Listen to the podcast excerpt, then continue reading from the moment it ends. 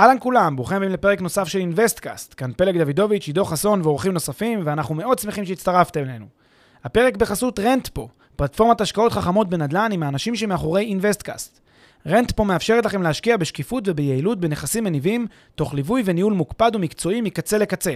היכנסו ל-rentpo.com, חפשו השקעה שמעניינת אתכם ותאמו איתנו פגישה דיגיטלית.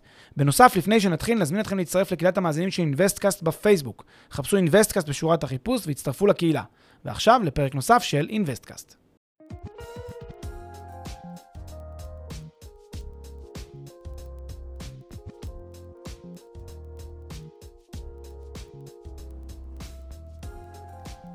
שלום לכולם, אנחנו בפרק 53 של Investcast, והיום אנחנו נדבר על אה, שוק דירות היוקרה כסקטור השקעה בעולם של אה, השקעות נדל"ן. אה, אנחנו ננסה להבין מה הופך דירה לדירת יוקרה, איך הכלכלה פועלת בסקטור הזה, מה ההבדלים בין השוק הכללי לבין השוק הסקטוריאלי הזה מבחינת משקיעים, והאם יש מקומות שבהם אפשר לקנות נכס יוקרתי במחיר של דירה מתפוררת ברחובות. מה קורה פלג? היי דו, מה נשמע? בסדר, מעולה. אז uh, על מה נדבר בהקשר של uh, דירות יוקרה בעולם ההשקעות?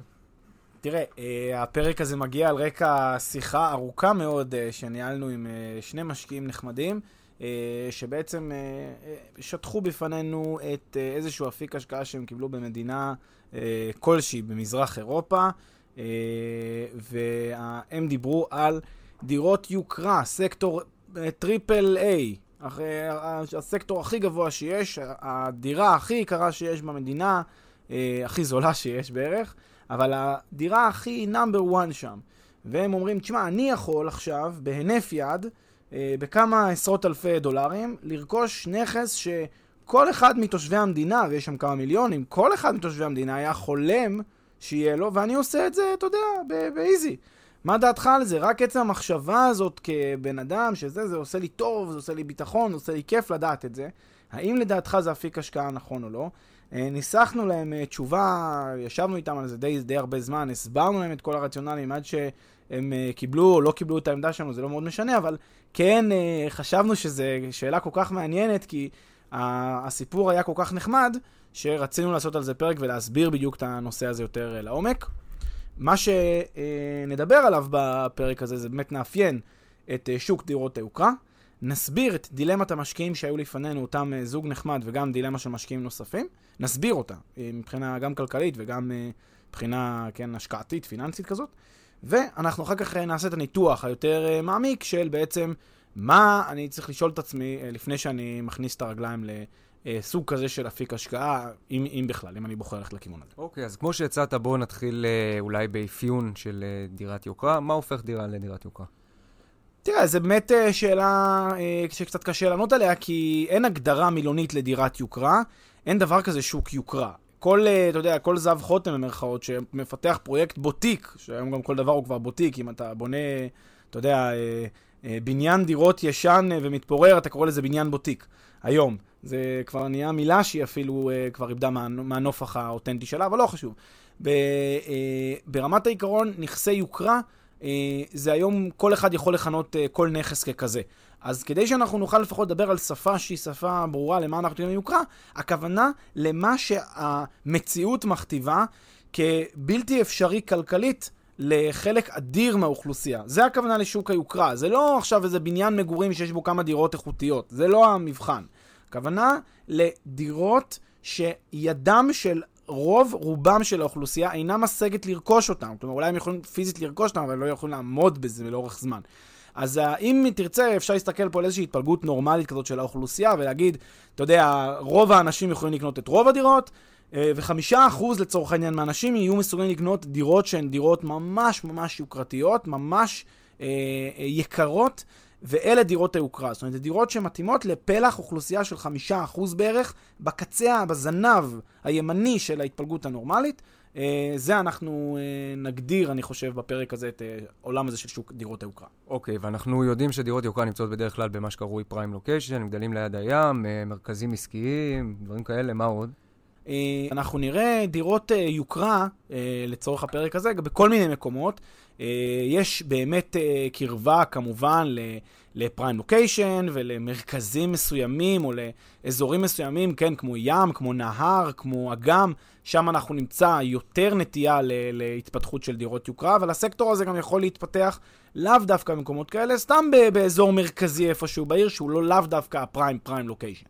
אה, זה גם יכול להיות, וגם יכול להיות מחוץ לעיר. יכול להיות אה, פרויקט סופר יומרני, מחוץ לעיר, סופר יקר, שאנשים מחליטים לעבור לשם, ו- ו- וזה בסדר, וזה לא הפריים לוקיישן, לא מרכז, ה- מרכז העיר.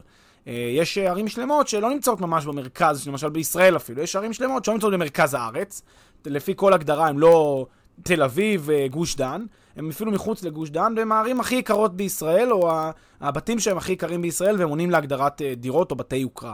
אז uh, אני לא בטוח שההגדרה פריים לוקיישן היא בהכרח חד-חד ערכית בהקשר של דירות יוקרה. יש לזה מין תהליכים כאלה שקצת קשה לפעמים להסביר אותם, לפעמים חלק מזה גם אקראיות מסוימת, אבל בגדול, uh, uh, אם נגיד ברמה, יש איזושהי קורלציה כמובן בין המיקום שלהם לבין האיכות של המיקום שלהם. הייתי טיפה פחות מכליל, אבל הייתי אומר ברמה הכללית שבאמת יש קשר כללי כזה. Um, וזה מתבטא גם בדירות שהן דירות... אה, אם, אם, אם נצטור רגע לסוג הדירות שהן נחשבות דירות יוקרה, זה דירות כמובן במגדלים, זה יכול להיות דירות עם אה, נוף לים, דירות חוף, נוף לנהר, נוף לאגם, אה, דירות שהן במוקד משיכה, דברים מהסוג הזה.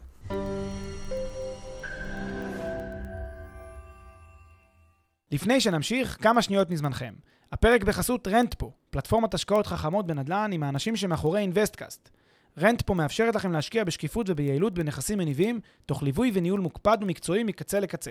היכנסו ל-rentpo.com, חפשו השקעה שמעניינת אתכם, ותאמו איתנו פגישה דיגיטלית.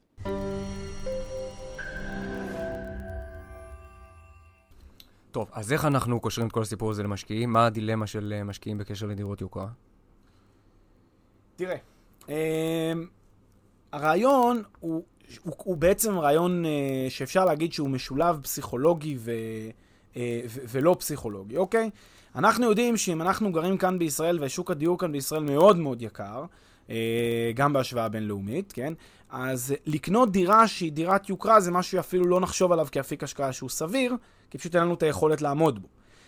אבל אנחנו מגיעים למדינות ברחבי העולם ויש... Uh, וכידוע, כל ישראלי כשהוא נוסע לטייל בחו"ל, אז הוא גם עושה את זה, הופך את זה לטיול נדל"ן באיזושהי קונסטלציה. אה, ואז אנחנו מתחילים, אתה יודע, כזה לשאול, רגע, כמה עולה פה למטר, וכמה עולה פה בנייה, ו- וכולנו כזה מתחילים לחשוב ולחשב. ואז אתה מגיע למדינות שהן באמת, אה, כן, חורים, מדינות כאלה שנחשלות, מדינות מתפתחות מאוד מאוד, או מפגרות מבחינה אה, כלכלית. ששם אתה מרגיש עם הדירה המתפוררת שלך איפשהו באיזה פינה שאתה שוכר אותה ובקושי יש לך, בקושי גומר את החודש, אתה מרגיש שם כמו רוטשילד כזה כשאתה מגיע למדינה ההיא. ואז אתה כזה, אתה יודע, דופק לך במוח קצת השאלה, אתה חושב בינך לבין עצמך, אולי אני אקנה את, הפנטאוז היוקרתי ביותר במדינה, אולי אני אחזיק בו. אולי אני אהיה השייח הסעודי של המדינה הזאת. אה, אגיע פתאום עם המיליונים שלי. אז אה, זה, זה לפעמים יושב לנו בראש, הרבה מזה טעמים פסיכולוגיים, ויש כאלה שאומרים, תשמע, אני בסוף חושב על שוק אה, דירות היוקרה כשוק שתמיד יימצא בעלייה, תמיד יהיה ביקוש לדירות יוקרה, תמיד ירצה הסקטור העליון איפשהו לגור, איפשהו לחיות. אני היום שם את הכסף שלי פה, זה מעט כסף, ואני יכול אה, לשבת בנחת ולספור את הכסף עוד 10-15 שנה. זה פחות או יותר הסיבות, ואתה גם פוגש את האנשים האלה, זה בדיוק אותם אנשים שפגשת אותם שאומרים לנו בדיוק את הסיבות האלה. אני רוצה להרגיש מלך, רוצה להרגיש טוב, רוצה להרגיש שאני מחזיק בנכסים מאוד יוקרתיים. אלה בדרך כלל הסיבות. אבל לא תמיד uh, זה המצב, ואז זה גם מעורר את האתגרים שאנחנו... uh, בגללם עשינו את הפרק הזה. אוקיי, okay, אז החלטתי שאני רוצה להשקיע בדירת יוקרה. אני רוצה להבין מה ההבדל בין השקעה בדירת אה, יוקרה לבין השקעה בדירת מגורים, אה, כן, רגילה במרכאות, אה, אה, ולמה אני כמשקיע צריך להתייחס כשאני בוחן אה, כניסה להשקעה בדירת יוקרה. בדיוק סדר הפעולות הנכון, ואנחנו גם תמיד אה, אומרים אותו. אבל כאן יש איזושהי נישה ספציפית. זאת אומרת, אנחנו עושים את אותו ניתוח שאנחנו תמיד מדברים עליו, ניתוח של כניסה לשוק. הפעם זה אה, שוק דירת יוקרה. אז עושים כניסה לשוק רגיל, כל הניתוח שאנחנו מכירים, אבל מוסיפים את ההיבט הנישתי הספציפי. ואז שואלים, איך עובד שוק השכירות של דירות היוקרה, מי הם השוכרים, מהו שיעור התשואה, מהם התנאים המיוחדים של הדירות הללו, אה, כמה עולה לנהל ולתחזק אותן, אה, כמה קשה וקל להשכיר אותן, כמה קשה וקל למכור אותן, אה, ומה התחלופה של הדירות האלה, אה, וכל מיני דברים מהסוג הזה שאנחנו שואלים אה, בהקשרים האלה. אוקיי, אבל לפני שנעלה על כל השאלות האלה, בוא תנסה להסביר לנו למה בכלל, מה, מה ההבדל בין השקעה מה ב... הרבותא, מה הרבותא, מה שנקרא, אם בכלל, אם בכלל. בהשקעה בדירות יוקרה. תראה, העניין של אה, אה, דירות יוקרה זה שהן סמל סטטוס, כן? זה אנחנו יכולים להבין אינטואיטיבית. אנשים שגרים בדירות יוקרה, גרים שם בגלל מספר סיבות מרכזיות. אחת זה שהן באמת דירות איכותיות בצורה מיוחדת. אתה יכול להניח שהם נבנו אה, בסטנדרט הגבוה ביותר, הם נבנו על ידי יזמים בדרך כלל המובילים, אה, איכות הגימור שם טובה, איכות הציוד והאבזור שם טובה, אז אתה מקבל דירה איכותית, ולאיכות הזאת יש מחיר. דבר נוסף שאתה מקבל כשאתה קונה דירת יוקרה וגר בדירת יוקרה זה שאתה גר בסביבה איכותית.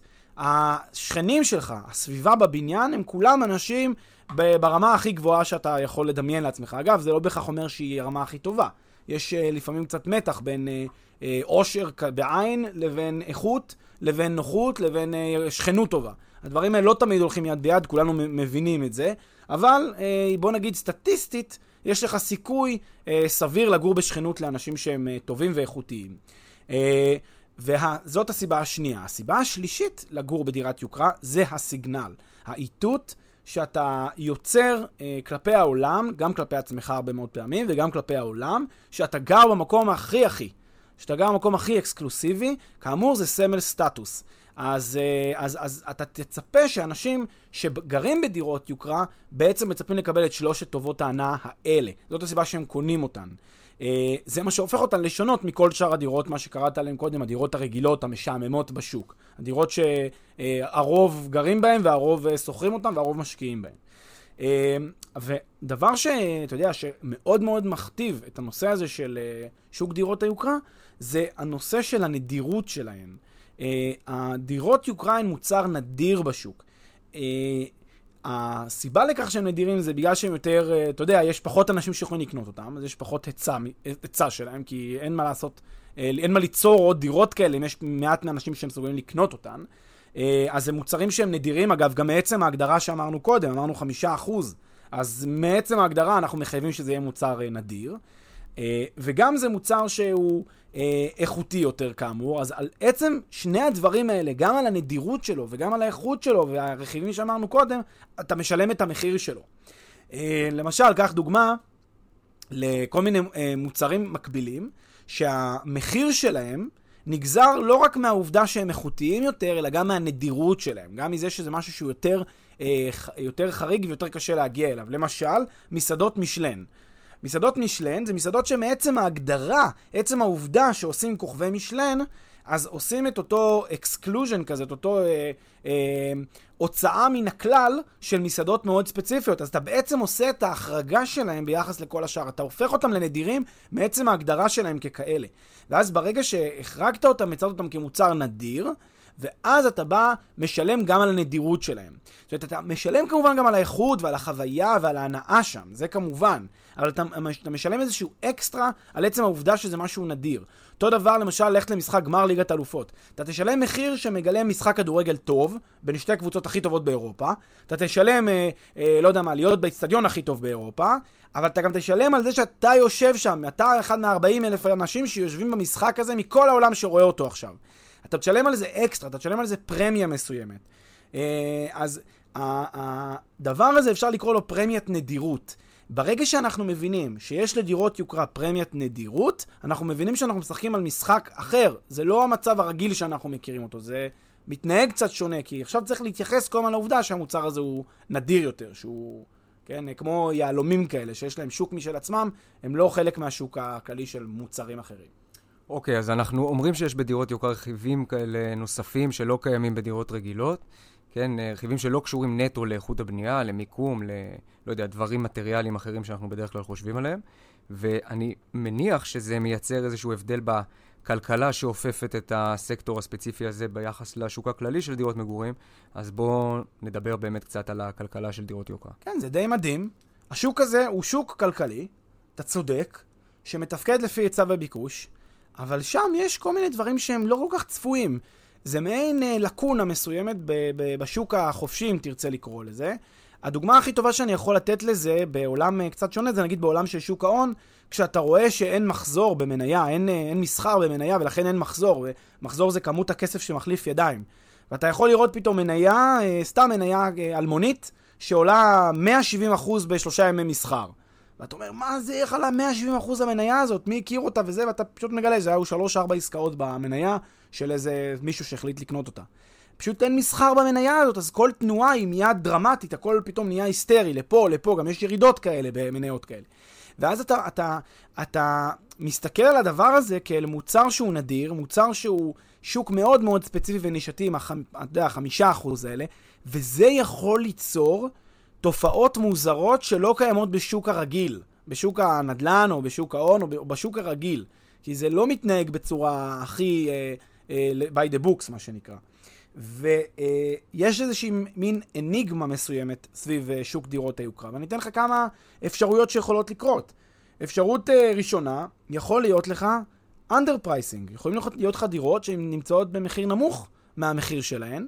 Uh, זה, זה יכול לקרות לפעמים בשוק דירות היוקרה, ויכול להיות לך גם כמובן pricing, זה, זה היותר נפוץ כמובן, שוב בגלל אותה פרמיית נדירות, בגלל שכולם נורא רוצים לגור בהבניין, בהדירה אה, של, ה, של המדינה, אז לכן אנשים יהיו מוכנים לשלם את הפרמיה הזאת, המשהו המיוחד, שמרחיק אותך יותר אפילו מהשאר.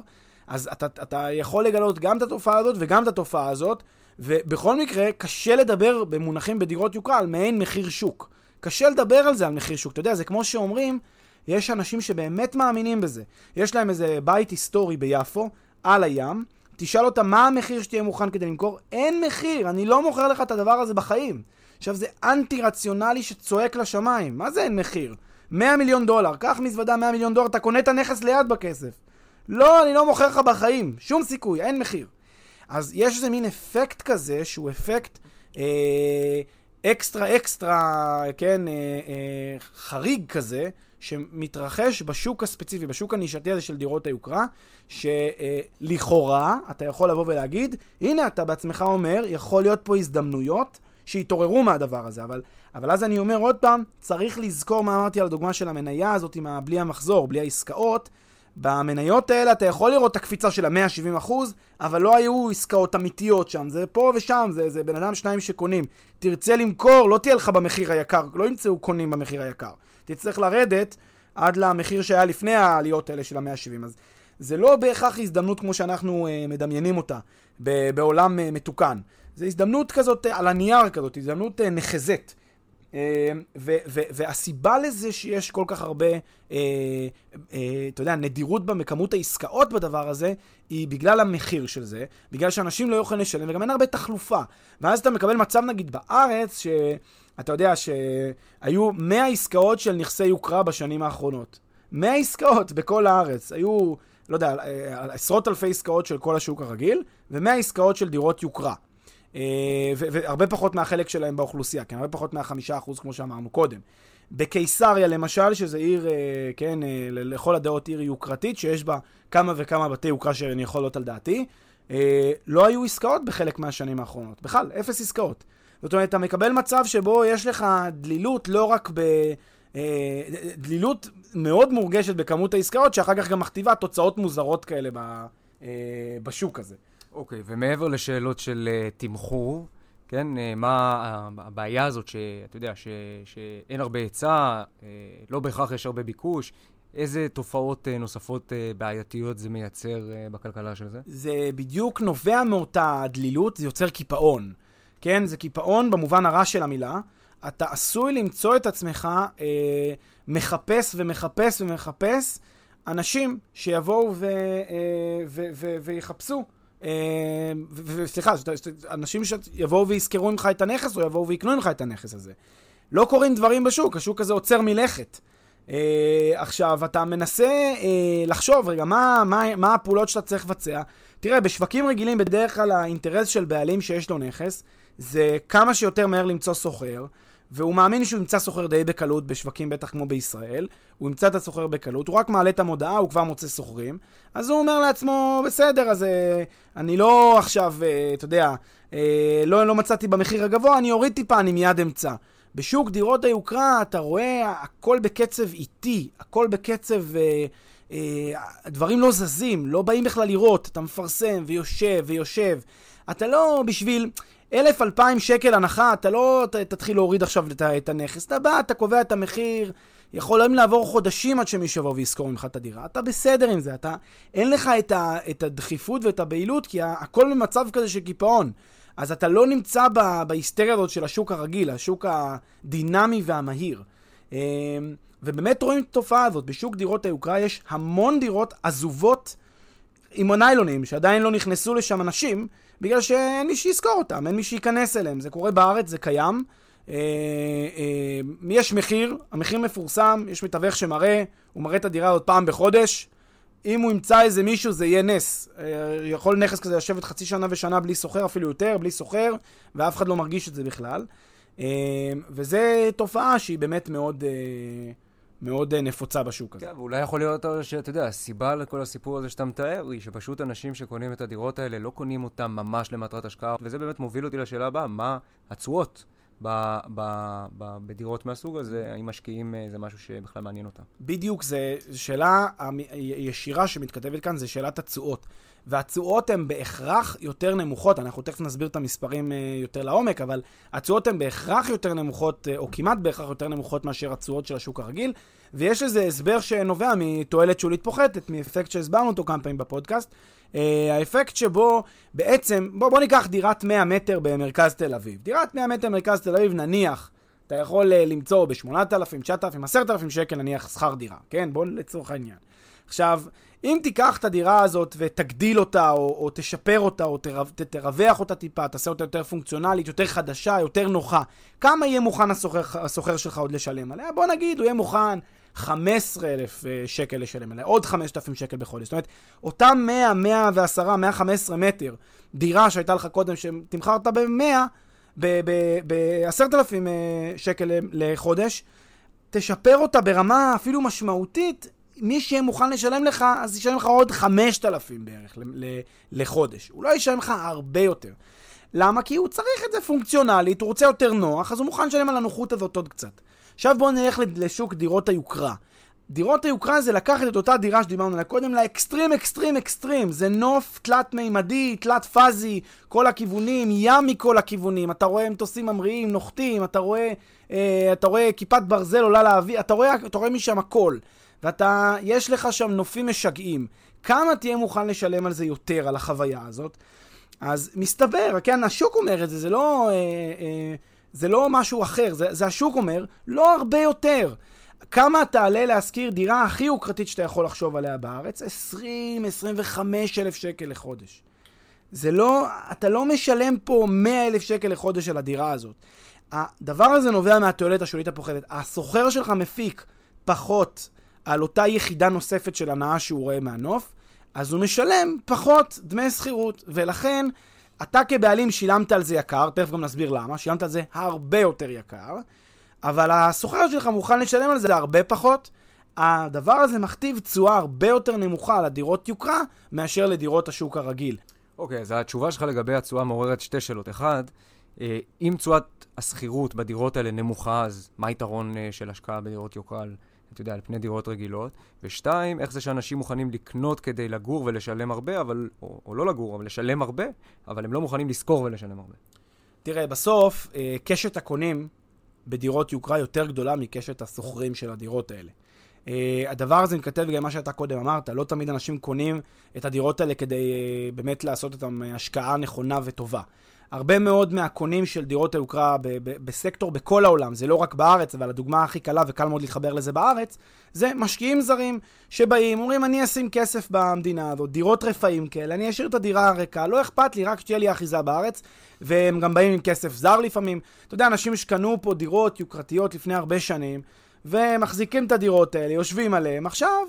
הם, הם, הם קנו, לא, כן, סוחר, לא סוחר, פחות מרגש אותם העוד כמה, מבחינתם, במונחים שלהם גרושים, אה, ל- ל- לרמות העושר שהם רגילים אליה מהמקום שהם הגיעו ממנו. אה, ולכן הרבה יותר אנשים מעוניינים לקנות את הדירות האלה מאשר לשכור אותן.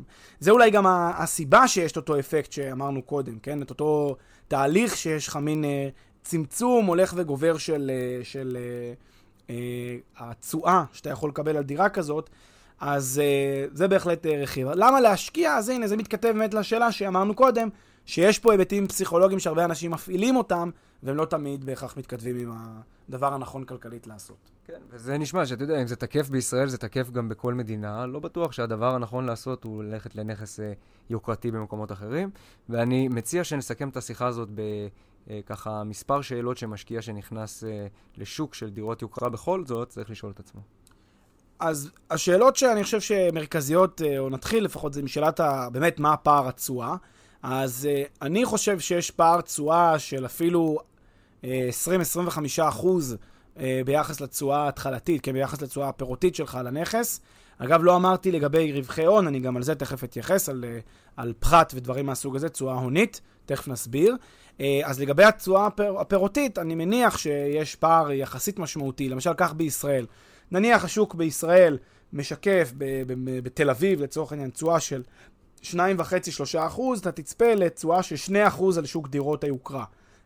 שוב, זה נובע בגלל שיש הרבה יותר ביקוש לקנות את הדירות האלה מאשר לשכור אותן, וזה יוצר באמת את הפער הזה של התשואה. אגב, ה-2% זה לדירות שהן כבר מושכרות, זאת אומרת, דירה שכבר מצאו לה את הסוחר.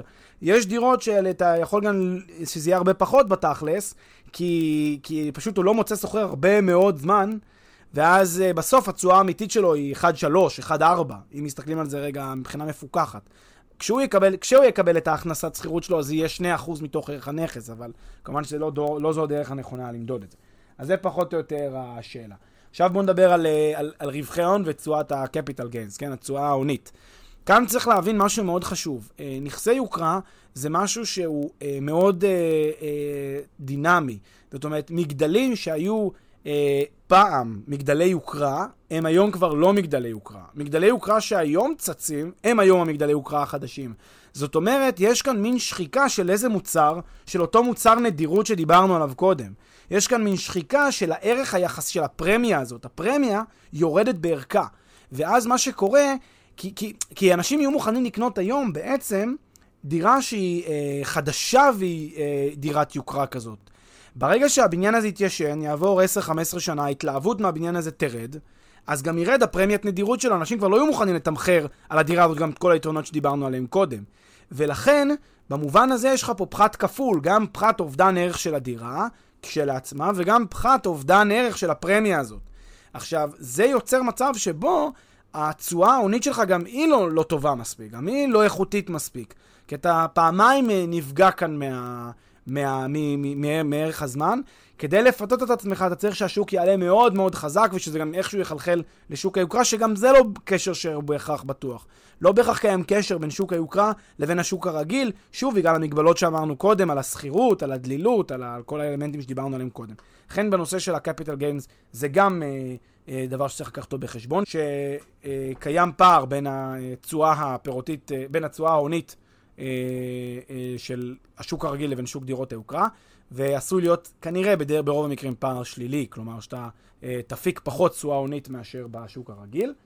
שאלות נוספות שאתה צריך לשאול את עצמך זה כמה עולה לנהל, לתחזק את הדבר הזה, וכאן יש הרבה מאוד עלויות שהן עלויות אינדיבידואליות לנכס, למיזם, לפרויקט, דמי ניהול יקרים, דמי ועד, אתה יודע, בדרך כלל שוק היוקרה מאופיין בהמון אמניטיז שאתה מקבל בנוסף לנכס, והדבר הזה גם שומר וגם חניון מפותח ומעליות ובריכות ו- ו- וג'קוזי וחדרי כושר, כי זה, זה בסוף המוצר שאתה קונה, אתה לא קונה רק את הדירות, אתה קונה את כל החבילה.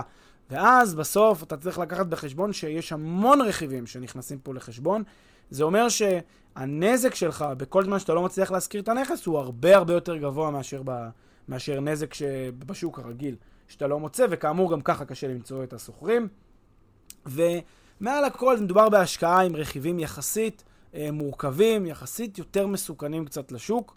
אה, אז על אף שאמרנו קודם שיכול להיות כל מיני הזדמנויות מסוימות, בגלל הנושא הזה שדיברנו עליו קודם, הדלילות והשכירות, אני חושב שכאסטרטגיה, אה, זו אסטרטגיה לא נכונה מבחינת התשואות בטח באופן גורף. אולי פה ושם יש איזה נכס אה, בוננזה כזה שאפשר להפיק עליו אה, אחלה של הש- השקעה. אה, ודבר אה, כמובן נוסף שצריך לקחת אותו בחשבון זה שגם כשרוצים לממש את ההשקעה, מאוד מאוד לא טריוויאלי שיהיה, שקל יהיה למצוא קונה במחיר הנכון, אה, כי שוב, מאוד אה, דליל, מאוד קשה למצוא את, ה, את האנשים שמעוניינים בדירות כאלה, קל וחומר כשהיוקרה סביב הבניין הזה הולכת וקטנה. אז לא קונים. אז אה, באופן אה, גורף, לא נגיד מה לעשות, אבל אה, אם ניתן אה, כלל אצבע, אז אה, אולי כדאי לבדוק אה, לעומק ביתר חשדנות אה, דירות מהסוג הזה. זה לא אומר בהכרח לא, אבל אה, צריך לקחת את זה בחשבון. כן, ואני חושב שהדבר שבאמת אה, הכי יכול אה, לבלבל בהקשר הזה הוא כשמישהו מגיע אה, ממדינה, לא יודע, כמו ישראל, עם אה, כמה מאות אלפי שקלים, או לא יודע, מיליון שקל, ומוצא מקום שהוא יכול לקנות בו דינה, דירה, כן, את אחת הדירות הכי הכי הכי ב... אה, באיזושהי נקודה על הגלובוס, שבה הכסף הזה שווה הרבה יותר ממה שהוא שווה פה, אז לפעמים הפיתוי הזה הוא, הוא מגניב, הוא פסיכולוגי וכולי וכולי, אבל הוא לא עושה שכל בכל מה שקשור למספרים ו, ולכלכלה, והוא אפילו יכול, אה, אתה יודע, להביא אותך למקום שאתה לא רוצה להיות בו בעוד כמה שנים, אה, נכס שאתה תקוע איתו. כן, אל תהיה, אל תהיה המספר אחת בשוק בדירה שלך, קנה באותו מחיר שלוש דירות ותעשה תשואה הרבה יותר טובה, אבל אף אחד לא ישמע עליך. זה נראה לי יותר אה, אטרקטיבי. תודה, פלא. תודה, עידו.